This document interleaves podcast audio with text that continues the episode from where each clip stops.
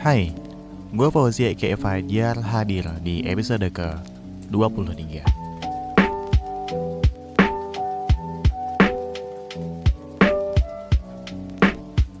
So yes, ini episode ke-23 dan gue sih pengen banget ya Di tahun ini podcastnya uh, untuk season 1 kelar. Karena udah lebih dari setahun cuy.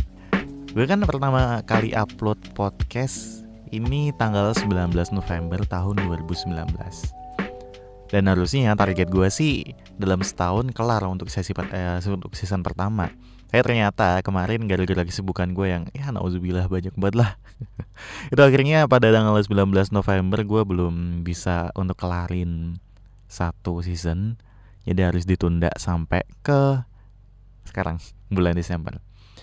Jadi bener-bener gue usahain banget biar season 1 kelar Jadi besok tahun baru ada season baru dan buat lo nih yang mungkin mau request atau mungkin mau usul gimana untuk podcast ke depannya Apakah gue akan monolog kayak gini atau mungkin ya kayak dialog kayak beberapa podcast kemarin. Kayak misalnya kemarin ini di podcast episode 22, episode 16 Eh sorry 15 sama 10 sama 6 Nah, mau yang dialog sama teman gue kayak gitu atau monolog, boleh banget ntar langsung aja DM ke IG gue at Pojini. Dan di kali ini, gue rencana sih mau ngomongin tentang satu kata yang beberapa orang menyebutnya dengan pencapaian, tapi beberapa orang menyebutnya dengan sebagai jebakan. Jadi uh, kata yang mau gue bahas adalah kata nyaman. Sebenarnya nyaman itu menurut lo jebakan atau pencapaian sih? Kalau menurut gue sih ya, jebakan itu kayak dua hal. Kalau menurut gue sih ya, nyaman itu jebakan atau pencapaian tergantung dari masalah apa yang ada tergantung case-nya gimana. Kalau misalnya tentang prestasi, tentang kerjaan dan lain sebagainya, nyaman, menurut gue adalah sebuah pencapaian. Tapi kalau misalkan dalam sebuah hubungan, dalam sebuah relasi gitu ya, nyaman memang butuh. Tapi kalau misalnya itu udah berlebihan, bener-bener kayak jebakan. Jadi gue simpulin kalau menurut gue ya, kalau menurut gue nih, nyaman itu bisa jadi jebakan, bisa jadi pencapaian. Kalau misal masih dalam taraf batas yang wajar, itu bisa disebut itu bisa disebut sebagai itu bisa disebut sebagai sebuah pencapaian. Tapi kalau udah apa ya, udah over, udah terlalu gitu ya, ya mungkin bisa disebut sebagai jebakan, bahkan bisa berperan sebagai bumerang. Tentunya bukan bumerang seperti di filter Instagram. ya jokes bapak-bapak keluar, maafin. So, kenapa gue mau bahas ini di episode kedua tiga? Karena ada email yang masuk di moderasi.rasa.gmail.com dan menurut gue ini timingnya yang pas banget. Ada cerita dari Dendi. Jadi dia, si Dendi ini bilang bahwa dia kebunuh sama perasaan nyaman. So gue mau cerita dulu si Dendi ini gimana. Karena dia berbentuk VN Dan gue belum bisa untuk ngasih VN-nya ke sini karena ceritanya terlalu detail detail banget. Jadi kalau misal disampaikan di sini mungkin ntar ada beberapa part yang ya sensitif banget. Dan itu bisa langsung menjurus ke orang. Jadi kan gak enak aja gitu gak sih kalau misal kita nge-share cerita orang gitu mungkin si dedingnya nyaman aja tapi kan ada pihak lain yang mungkin nggak rela buat itu dia share gitu. Jadi singkat cerita gue perkenalan dulu. Si Dendi ini adalah seorang mahasiswa semester 5 di salah satu perguruan tinggi di kota Surakarta. Dan yang bermasalah dengan dia adalah seorang siswi SMA kelas 2 di kota Surakarta juga bernama Putri. Jadi si Dendi sama Putri ini tergabung dalam sebuah organisasi yang gue nggak bisa sebutin karena ntar juga menjulus ke sana. Jadi singkat singkat cerita nih, mereka berdua ada di satu organisasi. Si Dendi ini berperan sebagai ya senior lah ya di situ karena emang udah umurnya segitu. Nah terus si Putri ini baru masuk nih. Dan selayaknya orang baru masuk kan dia cari relasi sebanyak-banyaknya dong. Sebenarnya si Dendi sama si Putri ini Dendi ngerasa biasa aja. Cuman dia ngaku kalau emang sering banget chattingan sama si Putri. Terus ya udah akhirnya uh, mereka deket deket deket. Kalau misalnya ada masalah sampai sampai pada suatu masa di mana Putri ada masalah orang yang pertama kali dicat adalah si Dendi dan Dendi juga begitu pun. Dendi juga kalau ada masalah cerita pertama ke si Putri ini jadi kalau ada masalah apa-apa saling cerita gitu saking nyamannya ini nyaman Dendi uh, Dendi sudah berada di posisi nyaman yang menurut dia adalah sebuah pencapaian. Nih, masih dalam batas wajar nih ya. nah, mulai yang agak ke sini lagi nih, mulai agak belibet nih. Pada suatu masa, si Dendi cerita dia kan lagi uas. Ya udah dong, dia nggak bisa ngapa-ngapain dong.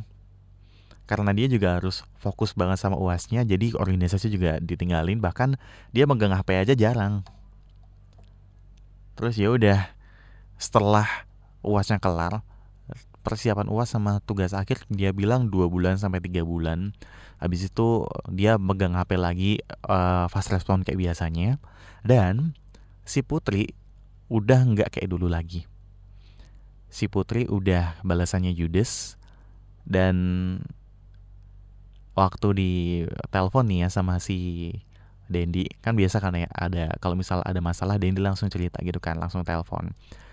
Ada satu masa yang itu tadi habis setelah dua bulan tiga bulan si Dendi ini nelpon si Putri dan di reject ini dimulai dari sini permasalahannya.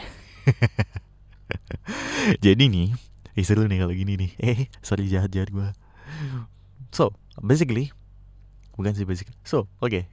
gue harus fokus. Karena gue terlalu bersemangat baca cerita ini karena seru.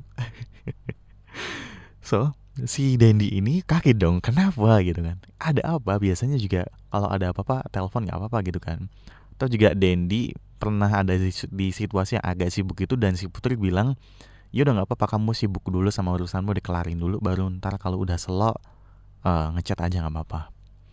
Ya udah dong si Denny kan karena udah dibilangin itu ya udah dua bulan sampai tiga bulan dia merasa vakum dulu nggak apa-apa vakum dari sosial media.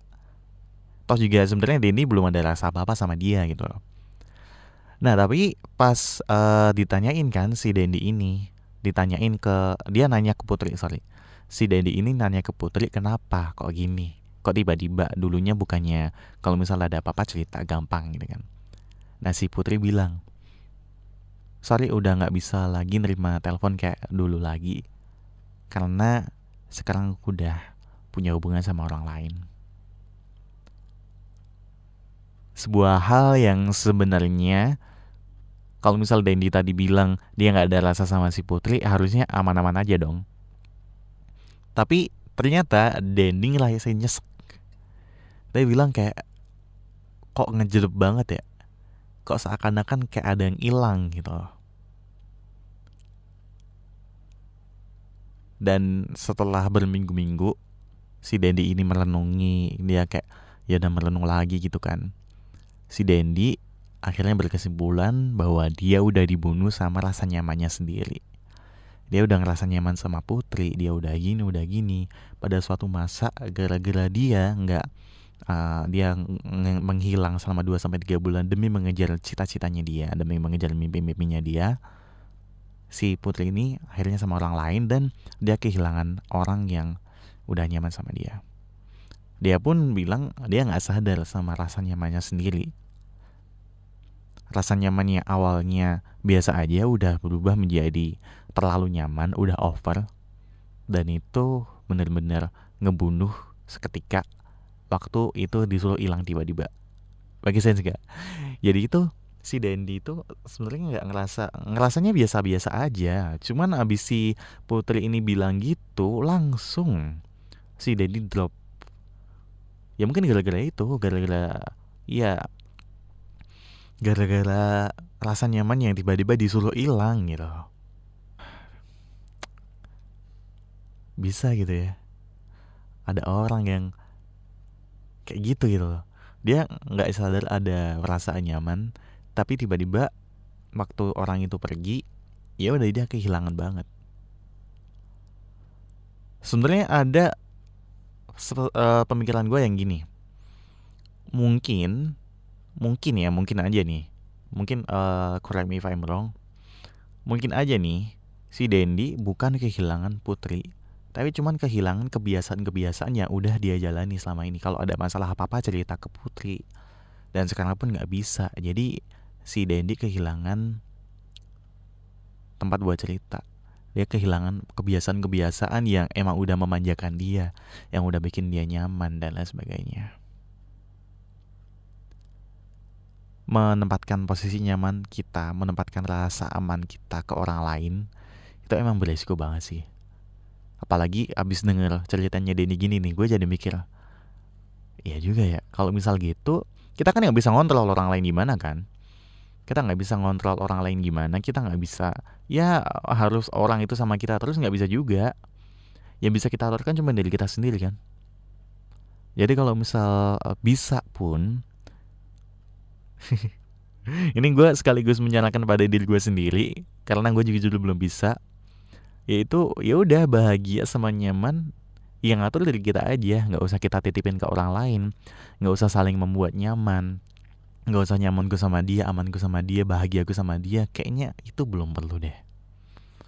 Soalnya kan kalau menurut beberapa film kemarin nih yang gue tonton nih kebahagiaan adalah tanggung jawab kita masing-masing. Kalau nggak salah itu filmnya NKCTHI kebahagiaan adalah tanggung jawab masing-masing bukan tanggung jawab orang lain apalagi nyu ngemaksa orang lain buat membahagiain kita. Nggak bisa.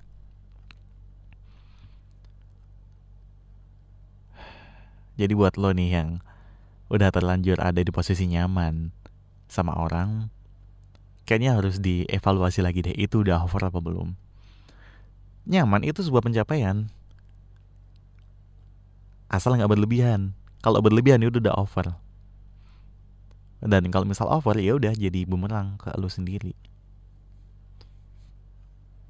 Dan semoga uh, perasaan nyaman lo yang sekarang ini benar-benar sebuah pencapaian. Dan jangan beranjak ke yang lebih jauh lagi karena itu sangat-sangat bahaya. Oke? Okay? get it ya? Ini juga gue sendiri semoga gue juga bisa tersadar gitu ya. Dan kayaknya gitu aja untuk uh, episode kali ini tentang sebuah kata nyaman jebakan atau sebuah pencapaian. Sekali lagi kesimpulannya, kalau kata gue ya, nyaman adalah sebuah pencapaian. Tapi kalau misal udah sampai taraf yang lebih lagi, udah saking nyamannya, udah terlalu nyaman, itu bakal bisa jadi bumerang yang nyerang diri lo sendiri. Dan tinggal nunggu waktu aja kapan itu bakal ngebunuh lo. Kita aja untuk podcast kali ini. Thank you banget yang udah join. Thank you banget yang udah stay. Dan kita ketemu lagi di episode selanjutnya. See ya!